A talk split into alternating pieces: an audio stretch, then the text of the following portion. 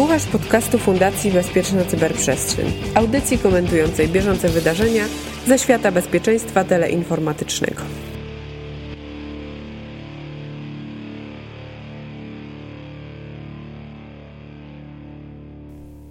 Pogoda za oknem nie może się zdecydować zima czy coś w rodzaju zimy, ale my, czyli Mirek Maj i Łukasz Jachowicz, jesteśmy zdecydowani i zapraszamy na 115 odcinek podcastu Cyber Cyber. Wiesz co, ja sobie właśnie uświadomiłem, że dziś powinniśmy mówić o czymś innym niż zaplanowaliśmy, bo y, wiesz, że istnieje taki pierwiastek jak Moskowium? Po polsku się Moskow nazywa. Nie, nie, nie wiedziałem. Wiem, że jest taki jak e, Polon. No nie, no to Polon to trochę więcej lat, ale jest taki Moskowią i mam właśnie liczbę atomową 115 i to byłby taki piękny pretekst do popowiadania o, o wschodzie, ale, ale nie, no przejdzie ale, ale Łukasz, chcę, chcę cię uspokoić, jeśli założeniem dzisiejszego podcastu było to, że nie będziemy wiedzieli o czym rozmawiamy, to ja dokładnie jestem w tej pozycji, e, bo chyba będzie jeden z tematów, e, do którego, e, na którym się nie znam. No ale na Twitterze ostrzegałem. No ale robiłeś to tak enigmatycznie, że ja jestem bardzo uczulony na phishing, bo muszę być, prawda? Będziemy też być może rozmawiali o atakach na ludzi z branży security i w związku z tym e, no i właśnie nie wiem jak to nazwać, czy nie dałem się nabrać, czy, czy w ogóle się nie popisałem e, bystrością. No nieważne. Skutek jest jaki jest, rozmawiamy. Dobrze, to w takim razie ja teraz będę dużo mówił, a ty sobie możesz iść zrobić, a nie, ale musisz słuchać.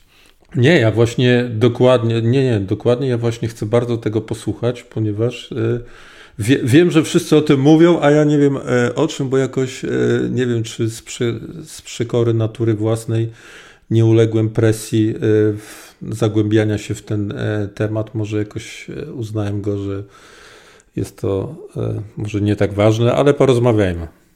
No dobra, powiedzmy sobie, że po prostu nie, nie idziesz za każdą nowinką technologiczną, jaka się pojawia. Ja też założyłem konto na największym portalu społecznościowym wiele lat po jego powstaniu, na tym drugim e, z ptaszkiem w logo też wiele lat po jego powstaniu. Także po prostu nie jesteś trendseterem, tylko lubisz te rzeczy, które już są uznane, więc sobie zainteresujesz się tematem za kilka lat, a może dzisiaj po dzisiejszym odcinku.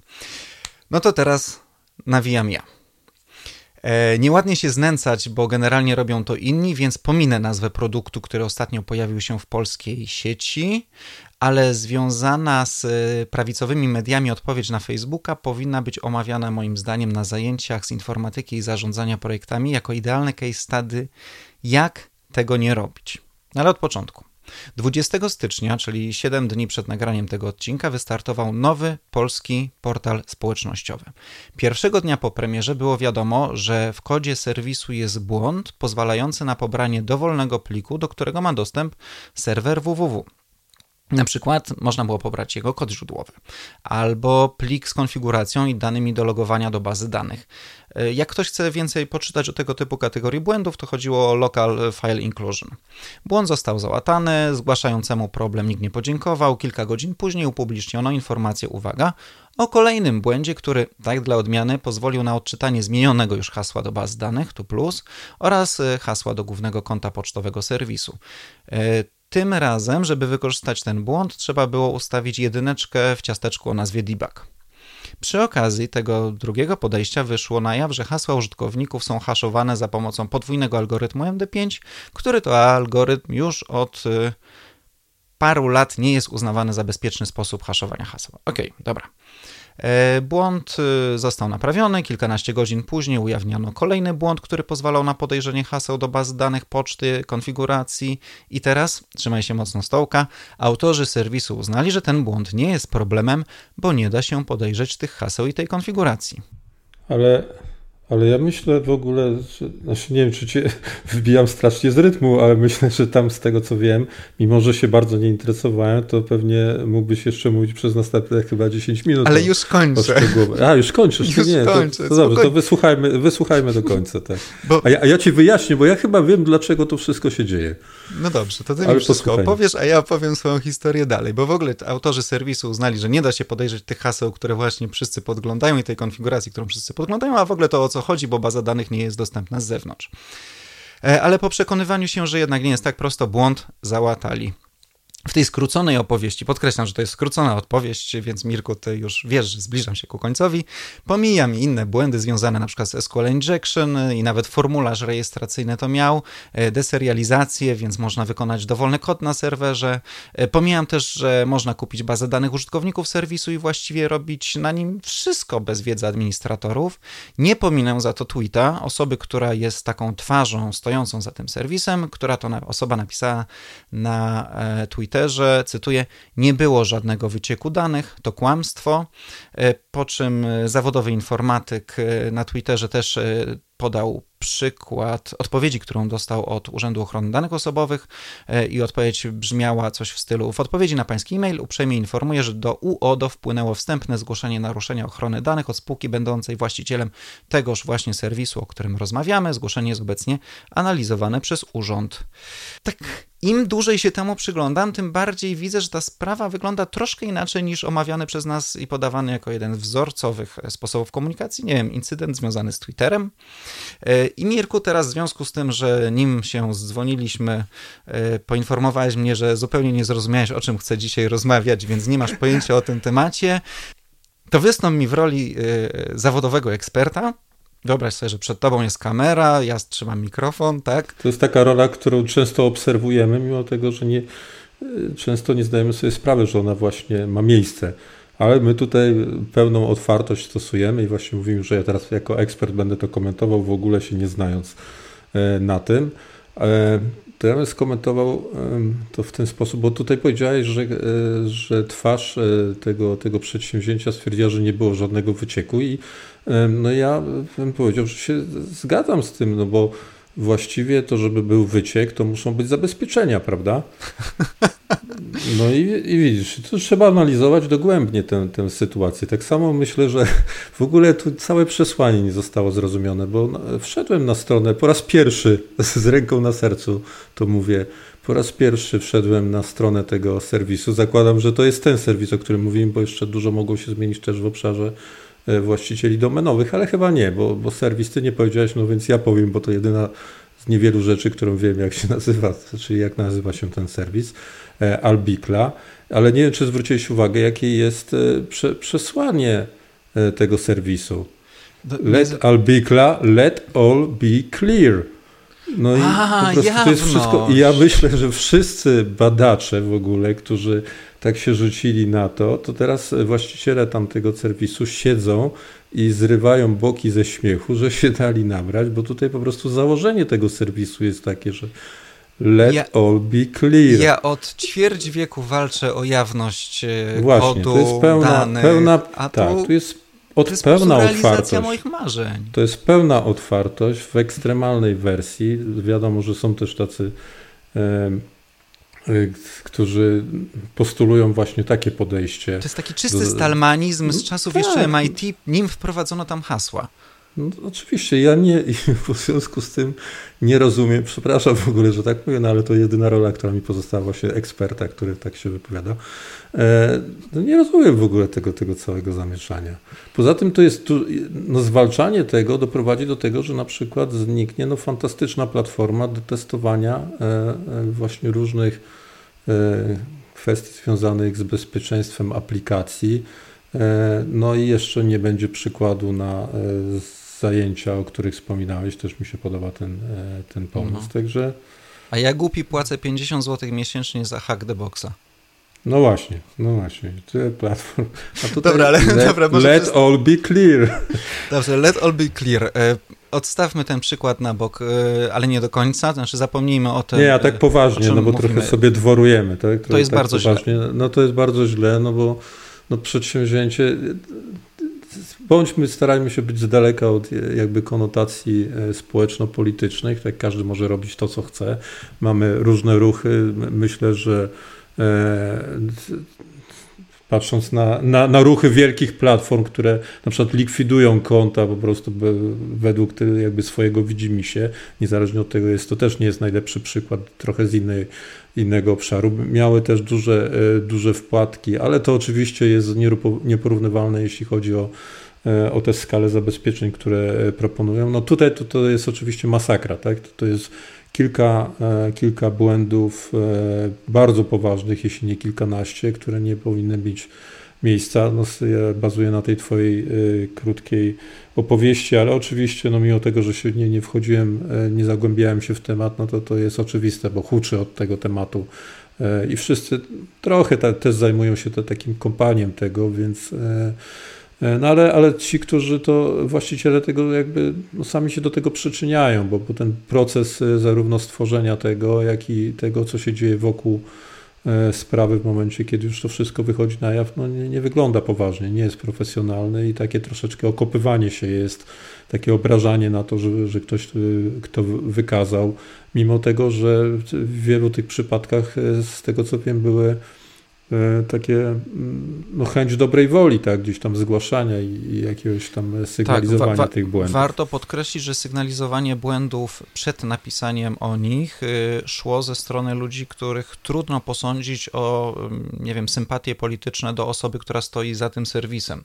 E, co krótko mówiąc oznacza, że naprawdę y, takie y, środowisko ludzi odpowiedzialnych za securities dość odpowiedzialnie się zachowało poinformowało o problemach, y, poinformowało, gdzie występuje problem, na czym polega problem i zostało czasem, czasem zostało olane po prostu. To jest, y, to jest nie. Ale dobra, y, od, od, o, zapomnijmy, że to jest jakiś projekt związany z jedną lub drugą stroną polityczną, ale wykorzystujemy go na przykład jako takie case study do tego, jak powinno się podejść do tego projektu, kiedy a jeszcze jest w fazie projektu, B, kiedy już został wypuszczony projekt z błędami, yy, okazało się, że są poważne błędy i co wtedy się powinno stać? To zacznijmy od fazy pierwszej, czyli wymyśliliśmy, że będziemy budować serwis społecznościowy lub jakikolwiek inny serwis.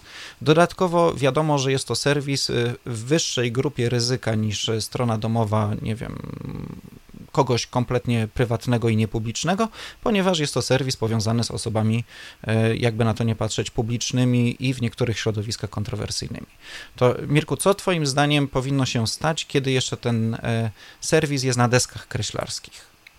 No słuchaj, no, no, przy tak ekstremalnym przypadku, z jakim mamy tu do czynienia, to właściwie to mógłbym to zamknąć wszystko jedną poradą, który, czegoś, co nie, co nie miało miejsca chyba, czyli po prostu zatrudnieniem kogokolwiek, kto się zajmuje bezpieczeństwem przy tym, przy tym serwisie. I to jest ogólnie taka ogólna porada, tak? No bo, bo stawiam, że, że nikt tam się nie zajmował. To znaczy, ja, ja oczywiście na pewno jest tak, że ktoś, się odpowiedź, jaką się spodziewam na taki zarzut, to ktoś powie, no ci, którzy nad tym pracowali, to też się zajmują bezpieczeństwem. Tylko, że to takie jest zajmowanie się bezpieczeństwem, jak to, że dzisiaj każdy e, administrator czegokolwiek, tak, systemów operacyjnego, sieci, baz danych i tak dalej, nie ma takiej możliwości, żeby się nie zajmował w podstawowej wersji bezpieczeństwem, tak, bo to po prostu są e, mechanizmy, które dzisiaj są implementowane od razu w takie rozwiązania i ktoś musi się zajmować bezpieczeństwem, ale my nie o tym mówimy, mówimy o tym, że ktoś się profesjonalnie zajmuje jako jego e, podstawowa działalność, tak, tym, tym bezpieczeństwem. Ale to jest taka ogólna uwaga, która pewnie niewiele zmieni. Natomiast no, na zdrowy rozum, bo to pewnie by trzeba było przeanalizować. No ale pierwsze, od czego bym zaczął, to przede wszystkim bym e, sprawdził, jakie formy e, zabezpieczenia tego typu serwisów, czyli nawet no, takiego serwisu społecznościowego, są stosowane przez no, uznane marki, tak? nie wchodząc w, w opinię na temat tego, jak, e, jakie są idee działające, e, jakie idee stoją za, za tymi markami i tak dalej, ale to jest nieważne. To ci, którzy się utrzymują na rynku od wielu lat, którzy też odnotowują wpadki i te wpadki też mogłyby posłużyć jako też i omawianie. tak, omawianie, tak, co, na co szczególnie zwróćmy, zwróćmy uwagę. Więc ten materiał właściwie istnieje, on leży na stole, tak, tylko ktoś musiałby go wziąć i, i ustalić po prostu, jak y, powinna wyglądać autoryzacja, jak powinny być przechowywane te e, dane E, jak system, e, system autoryzacji po prostu, czy podwójnej, podwójnego e, czynnika do, do uwierzytelnienia po prostu w tym serwisie i tak dalej, i tak dalej. Moglibyśmy wymieniać. No to taka checklista nie, nie jest trudna, po prostu trzeba wrzucić e, security, security functions of Twitter czy cokolwiek i po prostu mamy, czym się powinniśmy zająć i odpowiedzieć sobie na pytanie, czy potrafimy, czy ludzie, których wzięliśmy do stworzenia takiego serwisu, potrafią to wszystko zaimplementować. A później oczywiście następny, następny krok, jeszcze przed, bo mówisz, że na desce kreślarskiej, tak, to jest najlepszy moment, tak, bo wiadomo, że to jest najtańsze wtedy, e, a później, no, jak już tro, trochę to wyszło już z tej deski, jest stworzone, no to przede wszystkim przetestowaniu tego wszystkiego, niezależnym przetestowaniu, a nie, że ci, którzy to włączyli, zaimplementowali, teraz sobie powiedzą, o, rzeczywiście wszystko nam fajnie działa. No jest to Od prawda. tego bym zaczął. Tak, to znaczy przede wszystkim od razu mówimy, że najtaniej jest y, zająć się bezpieczeństwem na samym początku, a nie dopiero kiedy y, kod już jest wstępnie napisany, y, bo trzeba też pamiętać, że to nie chodzi wyłącznie o decyzje projektowe pod tytułem dwuskładnikowe uwierzytelnianie bądź nie, bo ono by tu wiele nie zmieniło w sytuacji, kiedy programistom nie przypomniano o podstawowych zasadach bezpieczeństwa, czyli sprawdzamy wszystkie dane, pochodzące od użytkownika. No, gdyby były sprawdzane, to by nie było błędów typu SQL injection. Ale tak, rzeczywiście masz rację, ktoś odpowiedzialny za bezpieczeństwo powinien być czuwać nad tym od samego początku i powinny być przeprowadzone testy penetracyjne, e, niezależne, e, nim e, system wystartował. No ale okej, okay, mamy już sytuację, że nie było budżetu. Znaczy, jak już mówisz o tych testach, to pozwolisz, że ja bym tutaj dwa rodzaje, jakby, znaczy to audyt, tak, przede wszystkim, który, no bo gdzieś tam się te, te, te jakiś overlap mają te pojęcia, tak, mhm. testów penetracyjnych i takiego audytu technicznego. No przede wszystkim najpierw trzeba było sprawdzić, czy to, co zakładając, że tam ktoś już zaprojektował to bezpieczeństwo, czy to zostało rzeczywiście zaimplementowane i dobrze zaimplementowane, a te testy penetracyjne, no to też oczywiście mogą mieć różne, cała masa różnych rodzajów jest tych testów które powinny być gdzieś tam trochę i, i te tak zwane whiteboxowe i blackboxowe. No, no jest tu dużo do zrobienia, no bo, ale powiedzmy sobie szczerze, no ktoś tutaj ma aspiracje spore, tak? Chce stworzyć alternatywę dla, dla serwisu e, w skali, no powiedzmy Polski, tak, no, który ma być prawdziwą alternatywą dla innych serwisów spo, społecznościowych, więc za, zakładam, że myśli, jeśli nie o jeśli nie o setkach tysięcy, to przynajmniej o dziesiątkach tysięcy użytkowników. No i to, to po prostu nie da się tak hop po prostu zrobić bez, bez e, prawdziwej pracy przy tym. Tak? Dokładnie, tym bardziej, że ten serwis przechowuje mimo wszystko dane, które nie każdy użytkownik by chciał, żeby były jawne. No, absolutnie. No. Tak. Okej, okay, no dobra, no ale mamy już sytuację, że przygotowaliśmy serwis, nie mając pojęcia o, o kwestiach związanych z bezpieczeństwem, uruchomiliśmy go, no i niestety ktoś na niego nam się zaczyna włamywać i robi to z sukcesem. Co wtedy? No, znowuż, zaczynając od najprostszego scenariusza, co ja bym e, zrobił? Albo zrobił, to źle się czuję mówiąc to, bo, bo to oznacza, że w ogóle się znalazłem w takiej, w takiej sytuacji. Co ktoś Trudno mi sobie to wyobrazić. Tak, ktoś powinien, co bym, do czego bym zachęcał? Tak? No zachęcałbym do tego, żeby przede wszystkim nie kłamać, tak? bo to jest ogólna zasada, która brzmi tak brutalnie, tak? ale to jest bardzo często po, e, w ogóle w obszarze zarządzania incydentami podawane tak wprost, właśnie tak dosłownie jak, jak ja e, mówię, że jedną z najgorszych rzeczy w trakcie obsługi incydentów to jest oszukiwanie, tak? mówienie, że po prostu coś nie miało miejsca, było kompletnie inaczej. Więc po prostu tego nie można robić, bo to jest to pod wieloma względami i od strony takich później problemów technicznych, od obsługi w ogóle takiej też e, medialnej na przykład takiego czegoś, no to, to prowadzi do dalszych kłopotów, tak? No bo jak ktoś po prostu no, kłamie, no to no, ci inni to są już rozjuszeni tylko i po prostu jeszcze bardziej chcą udowodnić, e, że, że nie ma racji, albo właśnie, że, że kłamie. Więc po prostu trzeba się przyznać, e, przyznać do, do błędu, zastosować, najlepiej jest wypuścić po prostu, jak wiele firm to robi, to z latami coraz częściej się pojawia jakiś w miarę solidny raport, który nawet może być wpisem blogowym tak, na, na, ten, na ten temat, że widać, że ktoś się poważnie tym zajął. No ale tutaj w tym konkretnym przypadku, biorąc pod uwagę skalę, skalę tych błędów, no to ja bym bardzo poważnie rozważył po prostu zawieszenie całego projektu.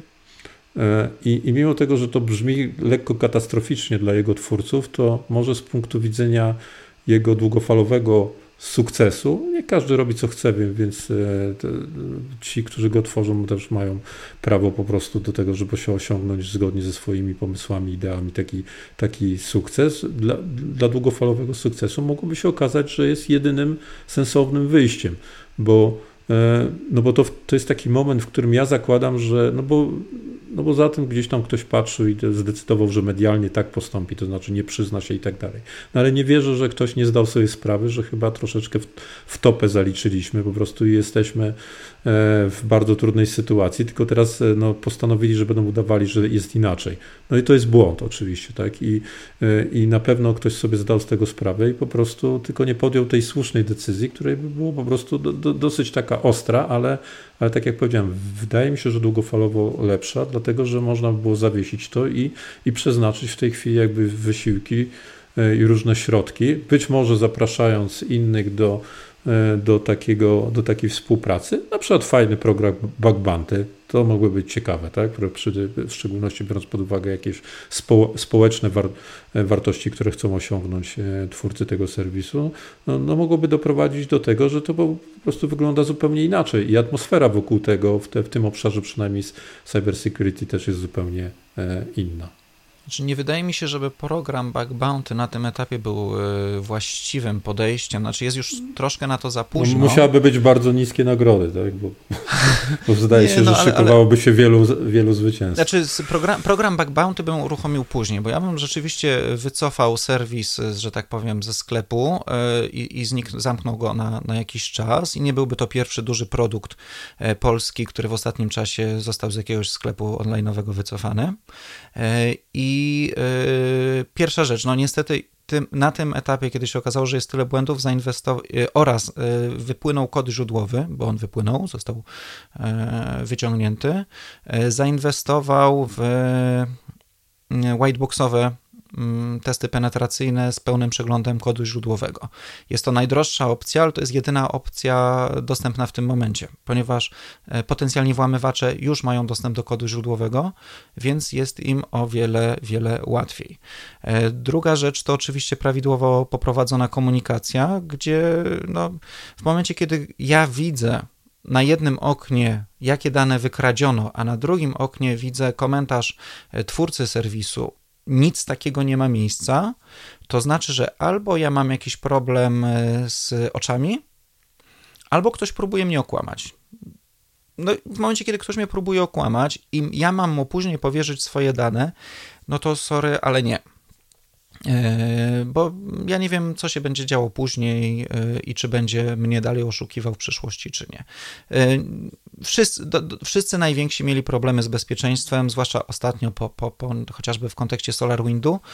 No i po prostu trzeba o tym powiedzieć i, i zaproponować, powiedzieć, co się będzie chciało zrobić, żeby temu kryzysowi zaradzić, i wtedy mają szansę na odbudowę zaufania, czy, czy, czy w ogóle zyskanie tego zaufania użytkowników. Czyli po pierwsze technologia, po drugie komunikacja, i dopiero na trzecim etapie, kiedy już ten serwis przeszedłby wszystkie testy i został ponownie uruchomiony, wtedy dopiero bym myślał, o programach bug bounty, bo programy bug bounty są fajne, bo rzeczywiście jest to niedrogi sposób do zachęcenia ludzi, żeby testowali ci serwis, ale z drugiej strony moim zdaniem programy bug bounty mają kilka zasadniczych wad, a najważniejszą z nich jest to, że ludzie ściągają wszystkie low hanging fruits, biorą te, skaczą na ten serwis, patrzą, co się da automatem znaleźć, jaki błąd bezpieczeństwa i później sobie idą szukać jakichś kolejnych programów, które właśnie zostały uruchomione, więc wiadomo, że będzie łatwo bo kiedy program Bounty już działa pół roku jakiegoś serwisu, to wiadomo, że, no, że jest trudniej i coś ciekawego znaleźć, więc trzeba na przykład stawki podnieść.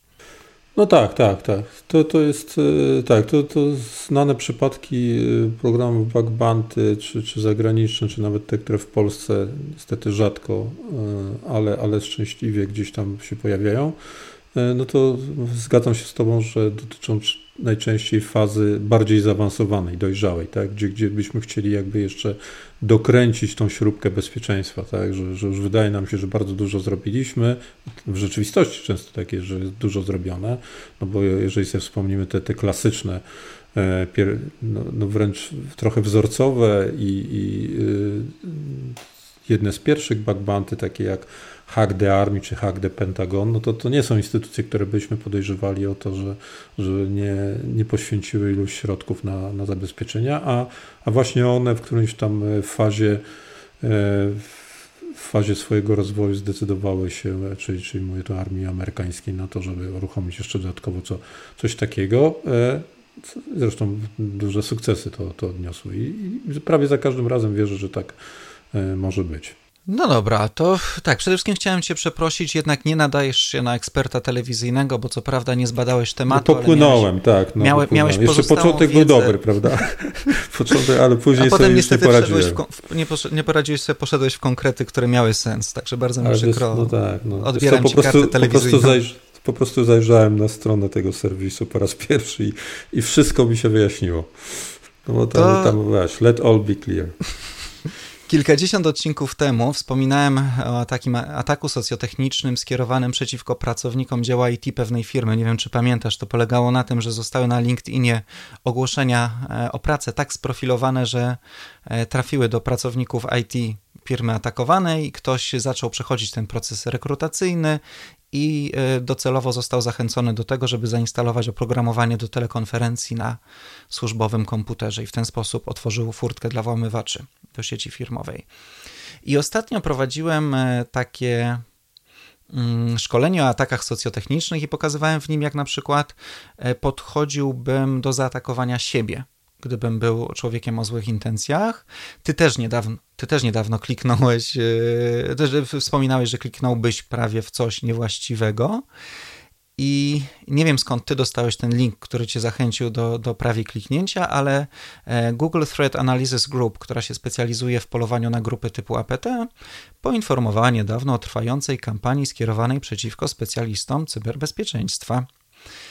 I ta kampania polegała na tym, że ktoś e, znaczy został zidentyfikowany jako najprawdopodobniej grupa Lazarus, czyli Północna Korea. Oni stworzyli blog związany z cyberbezpieczeństwem i stworzyli wiele kont w serwisach społecznościowych różnych. Nawet które, film nagrali. Nawet filmik nagrali i oni generalnie wchodzili w interakcję z, z, ze specjalistami do spraw bezpieczeństwa po to, żeby sobie wybudować jakąś tam mini renomę i po zbudowaniu wstępnej relacji zapraszali do wspólnej pracy tych ekspertów od cyberbezpieczeństwa, do wspólnej pracy nad projektem związanym z bezpieczeństwem. I podsyłali kody źródłowe napisane w Visual Studio i tam był też kod plik DLL, w którym był kod instalujący malware na komputerze atakowanego researchera. I to był taki klasyczny remote access tool do zdalnego przejęcia kontroli nad tym komputerem.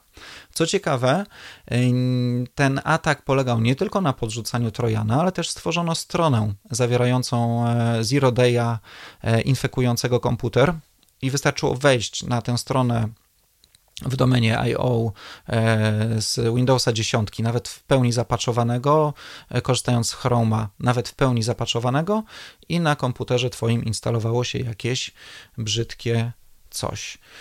Tak, następował tak zwany drive-by. Taki drive-by. I to jest naprawdę. Znaczy, to zostało wykryte po jakimś czasie, no bo też sobie wzięli taką grupę, na, na celownik grupę, e, która jest dość interesująca i e, która się zna na bezpieczeństwie, więc ktoś zauważył, że coś jest nie tak. Ale swoją drogą to jest piękny przykład e, mm, sponsorowanego przez państwo ataku, który prawdopodobnie miał na celu albo wykradzenie wiedzy o nowych sposobach przełamywania zabezpieczeń, albo wykradzenie informacji, która siłą rzeczy jest na komputerach ludzi zajmujących się bezpieczeństwem, bo ci ludzie wchodzą na komputery swoich klientów. I to jest też przykład na to, że trzeba uważać. Tak, trzeba uważać. To, to, to jest ciekawy atak dla mnie. On jest najciekawszy w tej warstwie właśnie tych e, potencjalnych albo rzeczywistych, bo odnotowano to trzeba powiedzieć, odnotowano ileś udanych e, przypadków tego ataku, w szczególności chyba dotyczącego właśnie odwiedzin tego, tej strony e, blogowej. E, I no bo tak jak mówiłeś, tam, tam był Zero Day zastosowany i po prostu nawet no, ci, którzy na co dzień mocno dbają o to bezpieczeństwo, tutaj nic to nie dało. Więc on był dosyć zaawansowany sposób przygotowany. Chcąc, nie chcąc, musiał być trochę no takie, jak to ktoś tam fajnie określił, już szedy takie, takie były te, te informacje, takie e, trochę ściemniające i, i, i kilku przynajmniej researcherów, którzy odno, raportowali to, mówili, że to właśnie było dla nich podejrzana ta, ta forma takiego odzywania się trochę sztucznego i, i to jakby obudziło ich e, czujność, no ale iluś tam nie, nie obudziło. Pewnie bardziej znamy tych, którzy, których obudziło, a nie tych, których nie obudziło. I dla mnie to najciekawsze właściwie jest w tym wątku, no bo to, że są techniczne, e, zaawansowane narzędzia stosowane, no to po prostu jest Y, charakterystyczne dla grup APT.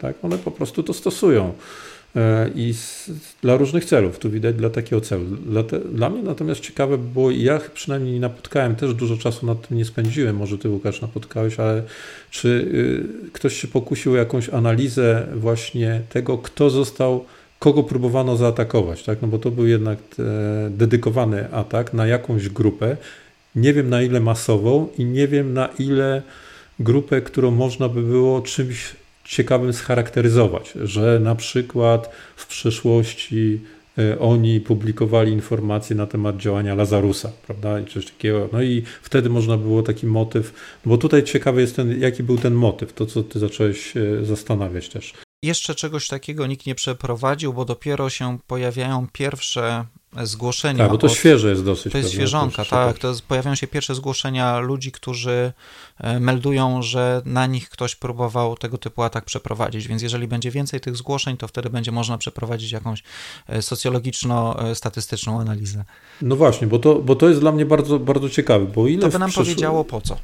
Tak, po co, prawda, co, co jest i na co w związku z tym też trzeba mocno E, mocno uważać, albo co, się, co w trawie piszczy, tak, prawda, bo być może za tym gdzieś tam jakaś operacja jest e, szykowana, albo to po prostu jest fragment e, jakby nowej, być może nowej rzeczywistości, w której po prostu te, te grupy po to, żeby wzmacniać siłę swojego arsenału, no po prostu systematycznie próbują pozyskiwać informacje, co się dzieje u researcherów najróżniejszych w różnych dziedzinach, żeby wiedzieć, czy na przykład inwestować dalej w ten, w ten, e, w to narzędzie albo w ten sposób atakowania, czy e, w związku z tym, że doszli do jakiejś informacji w wyniku takiego hakowania, to nie, no oni to zaraz to właściwie ten świat to już wie i, i zaraz te metody nasze będą nieskuteczne. Tego do końca nie wiemy i ciekawe by było dla mnie właśnie taka analiza, tym bardziej, że ja sobie nie przypominam, żeby w przeszłości właśnie tego typu dystrybucja tego ataku była. Tak? To znaczy, tak była,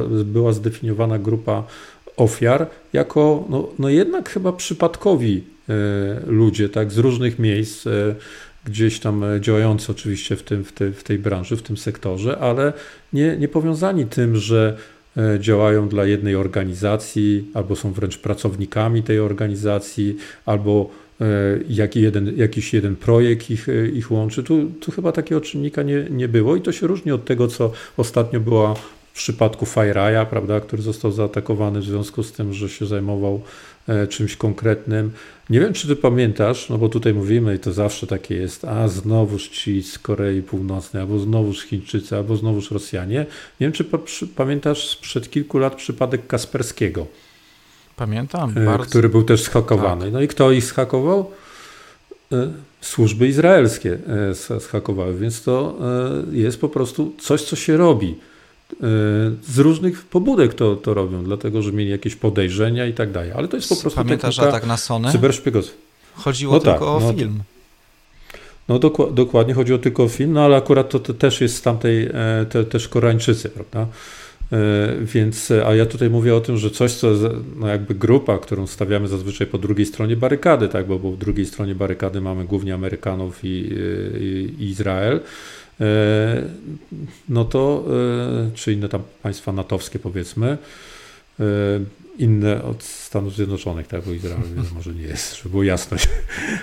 Natomiast no te, też, to się, też to się stosuje. Być może po prostu to nie jest tak nagłaśniane, albo druga strona nie ma takiego takiej techniki odstraszania poprzez publikowanie informacji na, na ten temat, no bo to jest pewna technika e, odstraszania. Wiemy i uważajcie, nie róbcie takich, e, takich rzeczy. Także e, no, warto chyba obserwować ten przypadek, bo dla mnie właśnie ta grupa docelowa może troszeczkę więcej zdradzić na temat motywów i czy mamy tu do czynienia z czymś zupełnie nowym, czy to, nie wiem, gdzieś czymś powiązane z czymś konkretnym.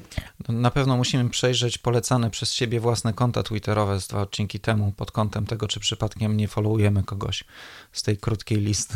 A to, to jak już e, przeglądać, no to jeżeli ktoś by chciał, e, ma podejrzenia jakieś, no to polecamy, e, polecamy, żeby przejrzeć e, Indicators of Compromise, bo zostały opublikowane, dotyczą domen, z którymi się tak. E, łączą e, łącz, łącz, łączy malware, czy, czy tam są też e, indicators of compromise dotyczące samego hosta, e, albo po prostu tych tak, albo, albo konta twitterowe, czyli LinkedIn, czy tam jeszcze innych Telegram, innych serwisów. Discord, tak. Keybase, tak, key, tego było Keybase, dużo. Tak. Tak, na, na czy, Keybase się ciężko było spodziewać, moim zdaniem. A, a, a, no, no po, pozostaje nam cieszyć, że się cieszyć tylko chyba z, z, tego, że obejrzenie filmu na YouTubie nie infekowało. No, nie wiemy. Na razie przynajmniej nie infekowało. No się może już infekowało, ale na razie nie wiemy.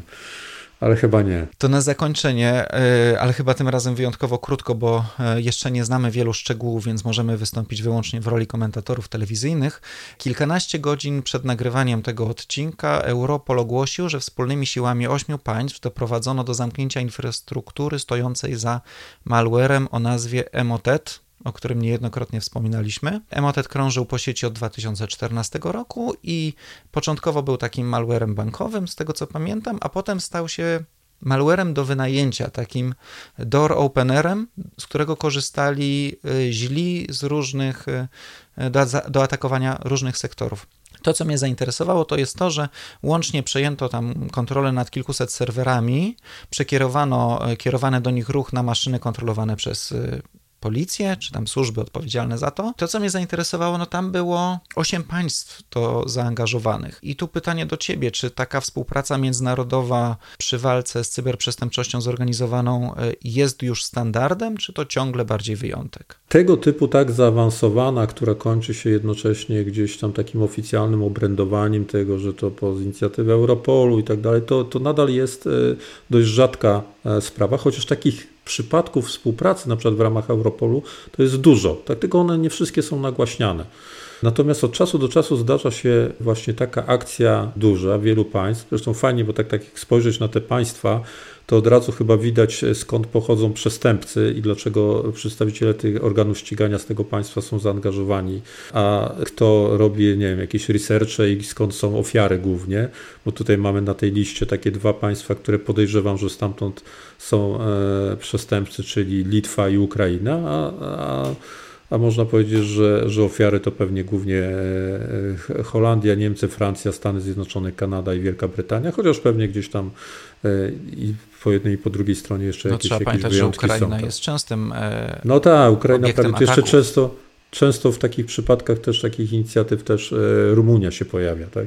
Zresztą trzeba mhm. powiedzieć, że dzięki temu służby, takie organy ścigania tych, tych państw, bym powiedział właśnie głównie organy ścigania w policji, w policji są E, dosyć sprawne. E, one po prostu ze względu na ilość e, tych przypadków i zaawansowanie ich, to wypracowały naprawdę niezłe, niezłe oddziały, które, zajmują, które się zajmują takimi, takimi przypadkami. Natomiast wracając wprost do Twojego pytania, takich przypadków nie ma dużych, te, dużo na taką, na taką skalę. One często są powiązane z tym, że trzeba przedsięwziąć akcje na wielu polach, na przykład również na polu prawnym i przeprowadzić różne działania, które pozwalają na to, żeby w ogóle pewne działania można było przeprowadzić technicznie, jak na przykład zdjęcie, e, zdjęcie kontrolerów botnetu. Tak, które no, musi się zgod, zgodnie z prawem odbyć. Ja pamiętam takie przypadki, jak Microsoft e, ogłaszał, e, bo taki miał wyrok z sądu swojego w Stanach, że musi to zrobić, jeśli chce zdjąć e, jakiś serwer w Rosji, to ogłaszał się w prasie e, rosyjskiej, e, że poszukuje właścicieli tego i tego serwera, żeby się zgłosili do nich, to, no bo coś tam jest nie tak. No i oczywiście to był wybieg tylko i wyłącznie prawdy, prawdy, bo nikt nie oczekiwał, że ktoś naprawdę się zgłosi, no ale takie rzeczy trzeba robić. Więc tu jest taka koordynacja techniczno-prawno-operacyjna, często organy ścigania dostarczają w niej narzędzi prawnych do tego, że po prostu, nie wiem, wejść gdzieś do kogoś, prawda, i zabezpieczyć jakiś sprzęt, bo tylko oni tak naprawdę mogą to zrobić. Często uczestniczące w tym zespoły techniczne dużych vendorów albo certów krajowych, które też coraz częściej ze względu na rozwijanie się takich sieci certów krajowych biorą udział w takich akcjach, no to to jest ta e, wiedza operacyjna i wiedza taka merytoryczna, więc takie trzeba rzeczy robić i to, i to się zdarza. Ja, jeśli dobrze pamiętam, to, to może nie pierwszy, ale taki jeden z, z pierwszych znaczących na wielką skalę przypadków to była taka Configure Working Group, nie wiem czy pamiętasz, czyli to musiało być wiele lat, ponad 10 lat temu, bo taka historia Configera e, jest, gdzie właśnie międzynarodowa współpraca no w bardzo skomplikowanym przypadku, jeśli chodzi o w ogóle też obsługę techniczną, bo tam wiadomo, że po prostu było setki tysięcy związa e, infekcji związanych z, z, fałszywymi DNS-ami i po prostu zagrożenie było takie, że po prostu kawałek, duży kawałek sieci użytkowników straci w ogóle dostęp do internetu i nie będzie miał pojęcia dlaczego, tak jeśli na przykład się zdejmie serwery, fałszywe serwery DNS-u, więc to też jest operacja taka logistyczno-organizacyjna, jak to wszystko załatwić. I Conficker wiele lat temu, ten Conficker Working Group, e, no odniósł pewien sukces e, koordynując tego typu działania. Więc mm, bym powiedział tak, podsumowując, e, nie ma tego za, za dużo, to są najbardziej skomplikowane przypadki, ale to nie znaczy, że podobnych rzeczy, może na troszeczkę mniejszą skalę, w tle więcej się nie dzieje. Myślę, że sporo się dzieje takiej współpracy właśnie w wendo, wendorzy, e, zespoły certowe i organy ścigania. No myślę, że e, w ogóle to jest ciekawy temat na jeden z przyszłych odcinków i może popracujemy nad tym, żeby się... E, tak, bo to można skalować, prawda? Bo to, tak. bo to jest fajny przypadek, żeby przeanalizować, e, co się w ramach takiej współpracy dzieje i, i modele są jak najbardziej do zeskalowania akurat w dół, bo myślę sobie na, na przykład o tym, jakby to w Polsce można było z, zrobić. Wiadomo też, że w Polsce współpraca między organami ścigania i w szczególności pewnie zespołami bezpieczeństwa, tak, bo tutaj jakby vendorów to za, za dużo nie mamy, ale, y, no, ale tego typu y, współpraca się y, odbywa, ale zawsze jakiś lesson learned ze współpracy tych, na, tych największych można by było wyciągnąć i, i, i te, i taką instytucję w sensie pewnej inicjatywy od czasu do czasu y, w oparciu o takie dobre wzorce mo można było uruchamiać, żeby szczególnymi przypadkami y, się zająć. No i znowu sobie poradziłeś jako komentator. Znaczy jako No wiesz, bo ja tutaj wiesz, stosuję taki, takie obfuscation, bo po prostu raz nic nie wiedziałem, a tutaj nieskromnie powiem, że trochę te, tym tematem się gdzieś tam e, interesuję. I teraz nie no widzisz, no jak to?